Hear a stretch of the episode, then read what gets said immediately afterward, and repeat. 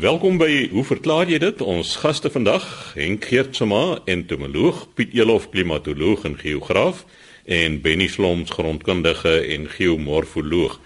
Piet, ons begin by jou. Jy het so 'n tydjie gelede gesels oor blare wat verkleur. Nou jy het 'n reaksie daarop en dan het jy ook 'n vraag ontvang oor hoekom oseane nie vries nie. Chris, ek sou graag omdat die tyd ons by 'n vorige geleentheid ingehaal het, net weer wil verwys na 'n brief wat ons gekry het van Marcel uit Bloemfontein uit waar uh, sy die vraag gevra het hoekom verkleur die blare van wingerde en boorde in die in die winter? Nou Marcel ek het 'n bietjie daar probeer uitbrei daaroor oor die hoeveelheid sonlig wat ons kry, die proses van fotosintese in klorofil, maar ek glo ook dat Benny dalk vir ons nog 'n verdere verklaring kan gee oor die verkleuring van blare in die herfs voordat ek kom by jou tweede vraag waarin jy gevra het hoekom vries die oseane nie. Dankie Piet. Ja, jy is heeltemal reg. Die tyd van die jaar wanneer die verkleuring van blare plaasvind is in die herfs En ek wil vanoggend 'n bietjie gesels oor die verkleuring van druiweblare. Normaalweg in die herfs sal jou wit kultivars na geel verander voordat hulle afval en rooi kultivars word die hele blaar word rooi of oranje rooi. En uh hierdie pigment antosianine word natuurlik verantwoordelik gehou daarvoor hulle produseer die pigment. Maar ons kry dat druiwe gedurende die groeiseisoen dat die blare daar ook van groen na rooi verander. Nou hier sit ons met 'n totaal ander situasie wat verantwoordelik is vir die blaarkleur verandering. Nou rooi kultivars word deur die virus GLRAV-3. Luisteraars, julle mag dit maar vergeet, maar dit is die kode vir daardie spesifieke virus. Dit lei tot die sogenaamde krulblaar simptoom in jou wingerd. Dan verkleur die wingerdblare verkleur dan ook rooi. Maar nie die hele blaar nie.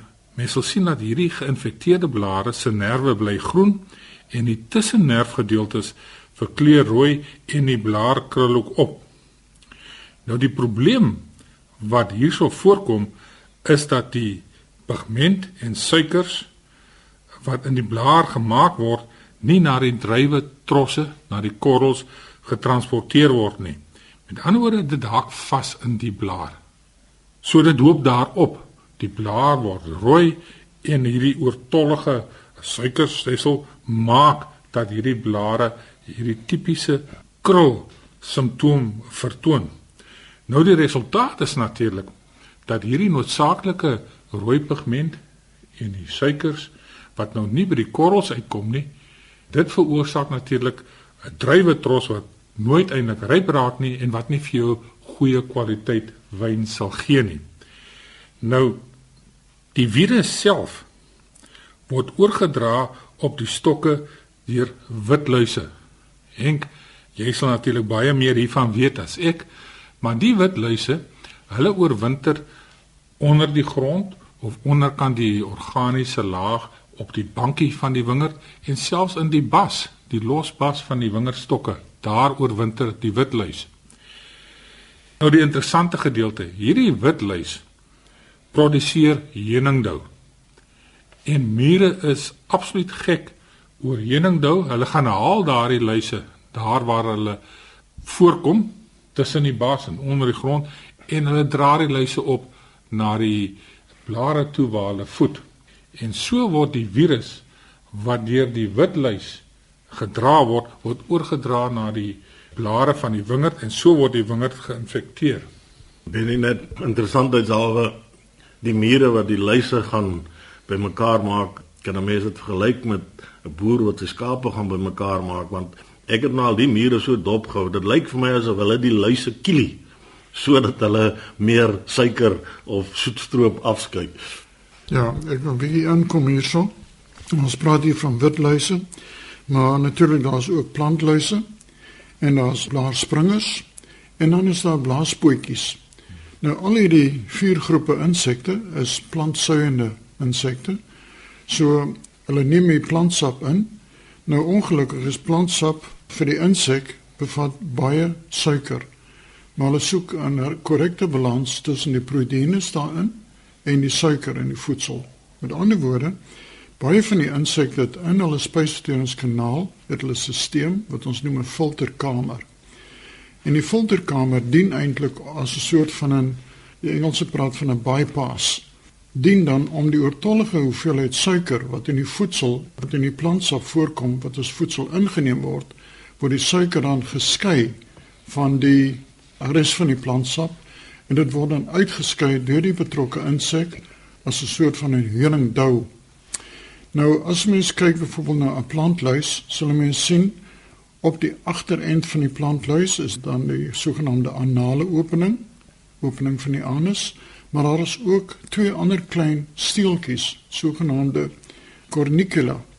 Nou baie mense dink dat die cornicula is eintlik die uitskei organe van hierdie oortollige honingdou, maar dit is eintlik die anus. Nou Pieter nou net gepraat van die mure wat nou die plantluise byvoorbeeld sal streel. Dis heeltemal korrek. Hulle indiseer dan beweging van die spysverteringskanaal van die plantluis en dan skei die plantluis weer so 'n druppeltjie van die honingdou af. En dit is redelik soet, mense kan maar proe. Dit is absoluut skoon want geen mensehande het daaraan gevat nie. Nou as daar oortollige honingdou is natuurlik val dit op die blare en met 'n bietjie vogtigheid en so 'n verspreide soetigheid op die blaar en op sy beurt weer vorm dit dan uitstekende voedingsbron vir swamspore. Swamspore land op hierdie stroop kan 'n mens sê dit ontkiem en dan vorm dit die kenmerkende swart honingdou of roetskimmel wat die mense van praat. So nou is ons van die kleur af van rooi af nou is ons al by swart. So nou gaan ek weer die mikrofoon teruggee na Ben. Dankie. Nou luisteraars, u sal natuurlik besef dat hierdie is 'n baie ernstige probleem in die wingerdbedryf. As jy hierso in die topgroei seisoen in die ry afstap en jy kry hierdie rooi blare, stokke wat rooi blare dra en dan die res is groen, dan weet jy jy sit met besmette stokke. En hierdie besmetting word relatief maklik oorgedra van stok tot stok met snoeimetodes, selfs uh, deur die skuur teen die plante en uh Die enigste raad is natuurlik om hierdie besmette stokke uit te haal en dan te verbrand. Maar hiersoos baie wingerde waar die hele wingerd so besmet is. Nou om die luise te beheer is daar natuurlik twee maniere hoe mense te werk kan gaan. Jy kan eerstens die luis self chemies doodmaak en dit is redelik toksiese gewe wat daar gebruik word En soos ons almal weet, is die mense deesdae baie gevoelig vir chemiese beheer. Tweedens kan jy die mure tik, hulle ook beheer, maar weet, dan moet 'n mens gif gooi. Maar 'n derde manier wat op die oomblik toegepas word by sommige boere, is om natuurlike predatore vry te stel in die wingerd wat dan die luise aanval, hulle opvreet en ons sodoende beheer. Mens koop blykbaar hierdie predatore in klein houertjies, dit lyk soos 'n vierhoekie dosie en dan hang jy dit op in die wingerd, dan word hulle nou daar vrygestel. Nou hierdie natuurlike beheer van witluis waar jy nou maar elke nag ernstig bid dat daardie predatore vinnig vermeerder, dit is natuurlik 'n senuitergende storie. Nou dit verklaar 'n ander rede vir verkleuring van wingerdblare wat 'n mens kan kry wat nou nie met die herfs gekoppel is nie. Alhoewel hierdie infeksie deur hierdie spesifieke virus. Maar ons kry ook by vrugtebome dat gedurende die groeiseisoen die blare van groen na geel verkleur of die blare is sommer geel van bot af. Dit kan wees as gevolg van vry kalk soos ek in 'n vorige program oorgesels het of dit kan wees vanweë stikstoftekort waar jy ook die vergeling van die blare kry. Nou Henk het gepraat van die blare wat hierdie swart kleur kry as gevolg van die verspreiding van die heuningdou en die swamme wat daarop groei. Ek het by 'n geleentheid by 'n persgeboord gekom en uh, toe ons so aanry na die jok was hier per was 'n pruimboord geweest. Toe ons so aankom na die boord, toets die blare pikswart. En die eienaar was net so verbaas soos ek, maar hy was dan nou verlede week was die blare nog groen gewees.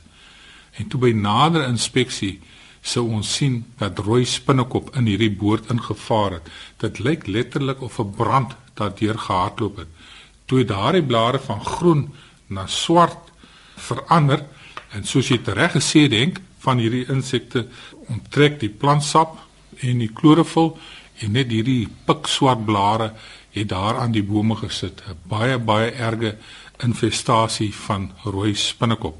Ja, ek, luister nou mooi. Nou die ding is byvoorbeeld die virus, die krulblaar virus in die wingerde word baie maklik deur hierdie plantsap suigende insekte oorgedra. Want die ding is soos Piet ook gesê het, die mure speel 'n baie belangrike rol.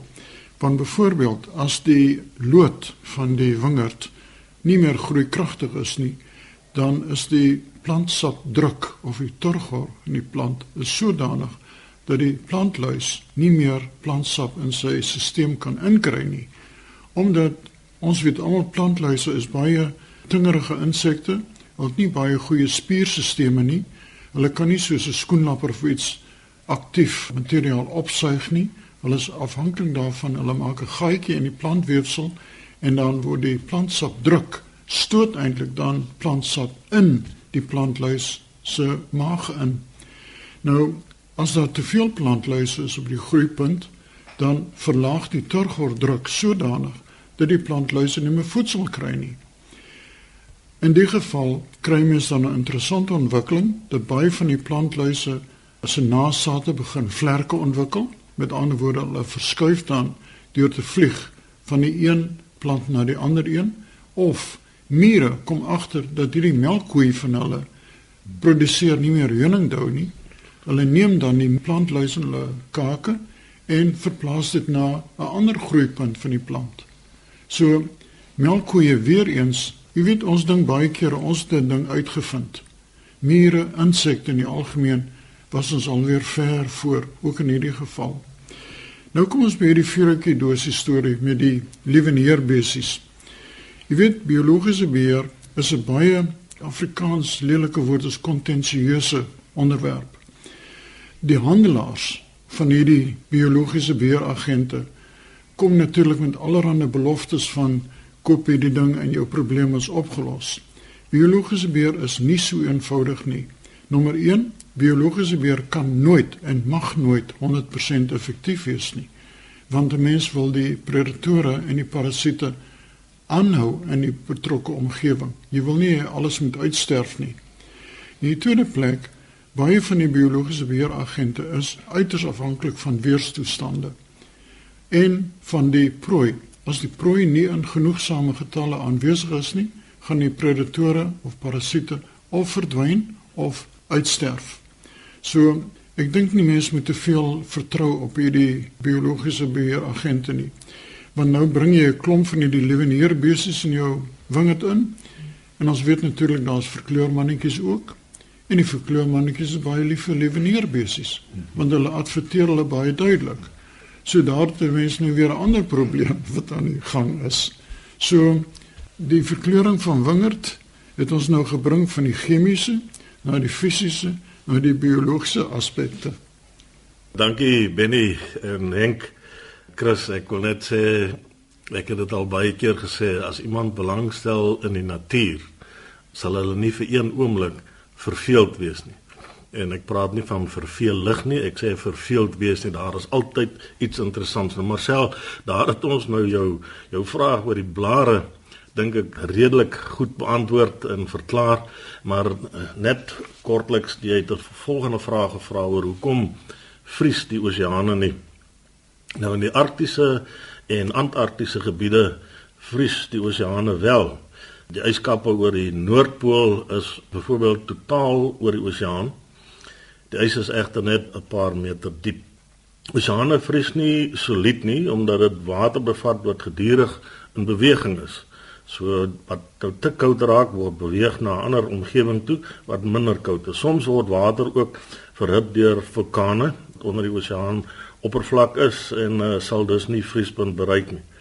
Maar natuurlik 'n ander aspek wat ek net vinnig wil noem is dat oseaan bevat ook natuurlik baie soutwater en sout benodig 'n baie lae temperatuur voordat dit vries.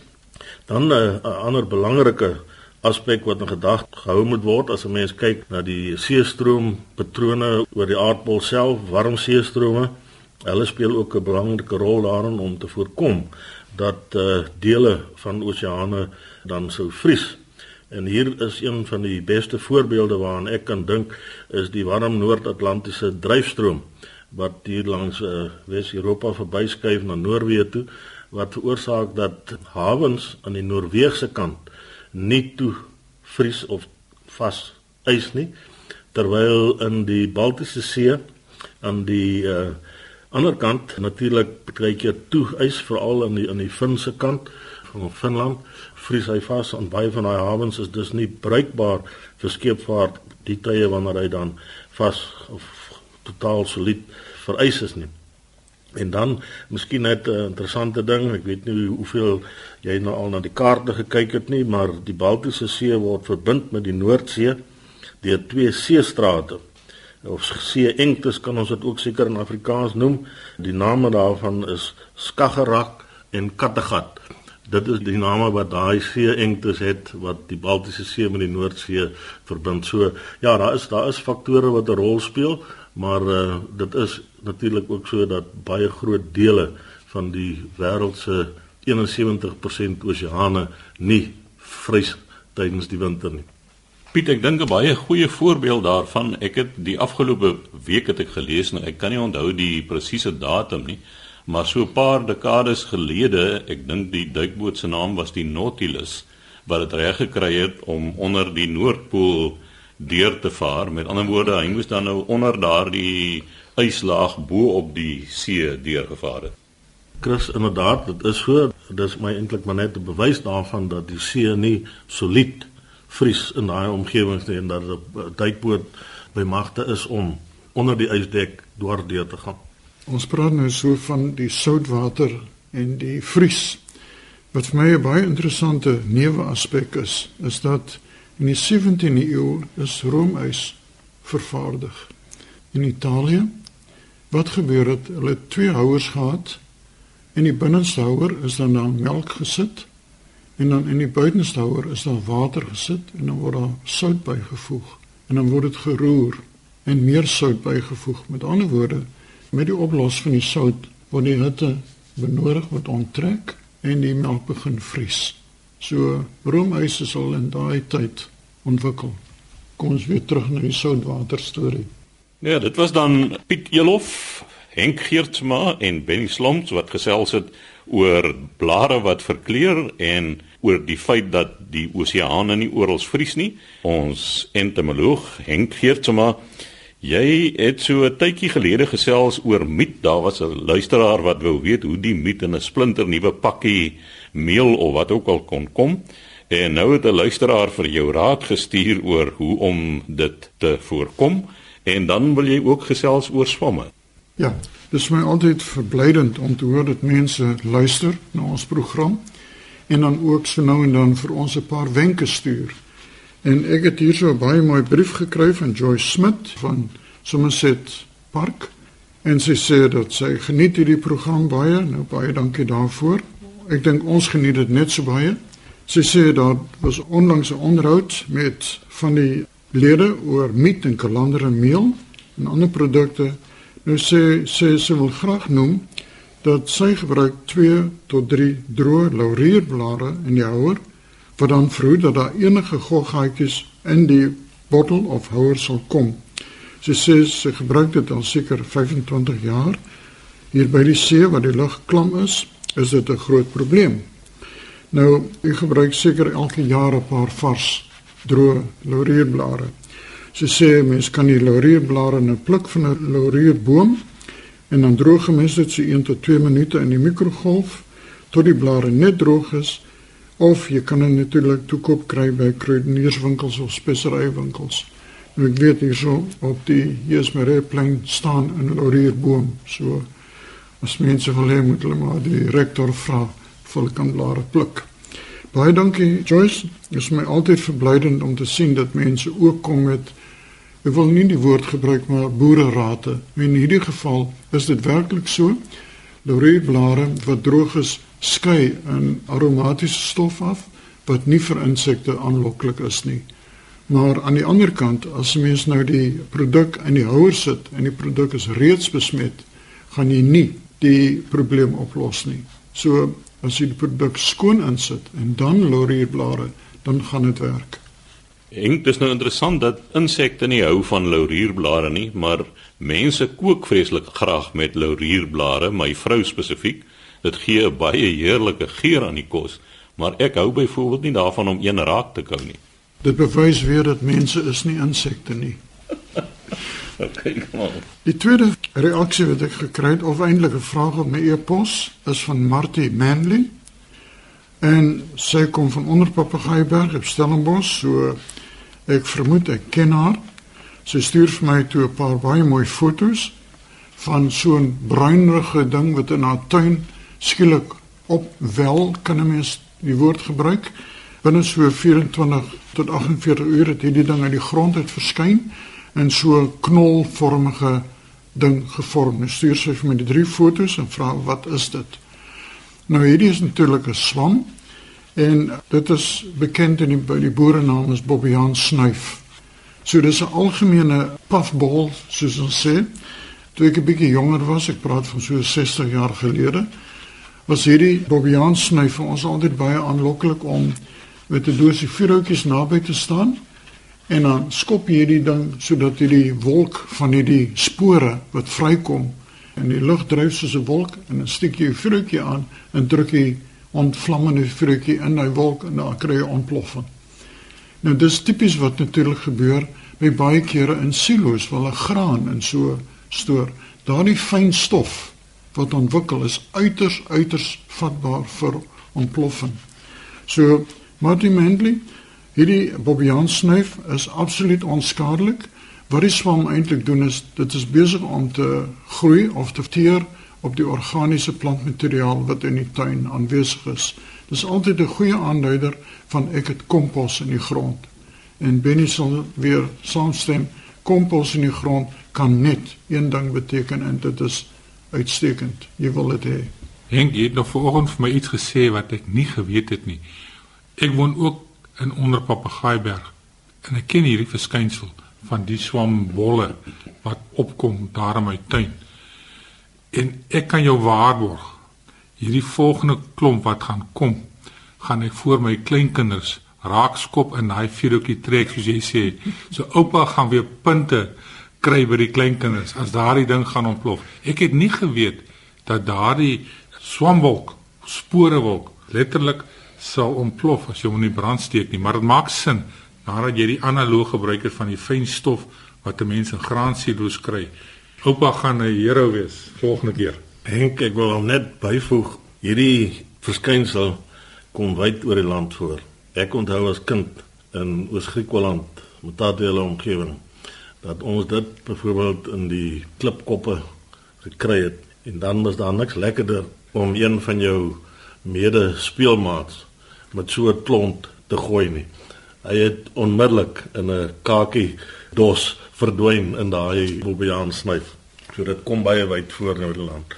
Nou ja, daarmee het ons ook aan die einde gekom van vandag se program. Ons sê dankie aan ons drie gaste, en Geertsma entomoloog, Piet Elof klimatoloog en geograaf en Benny Sloms ons grondkundige en geomorfoloog. Skryf gerus aan ons by hoe verklaar jy dit? Posbus 2551 Kaapstad 8000 of stuur 'n e-pos aan chris@rsg.co.za